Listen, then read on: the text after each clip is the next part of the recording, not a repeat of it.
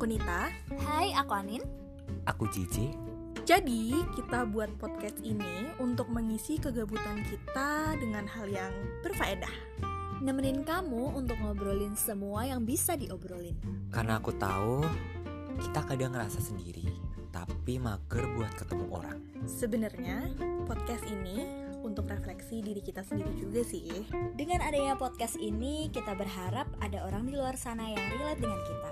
Jadi, buat kamu yang bakal dengerin kita di sini, welcome to Teman Rumpi.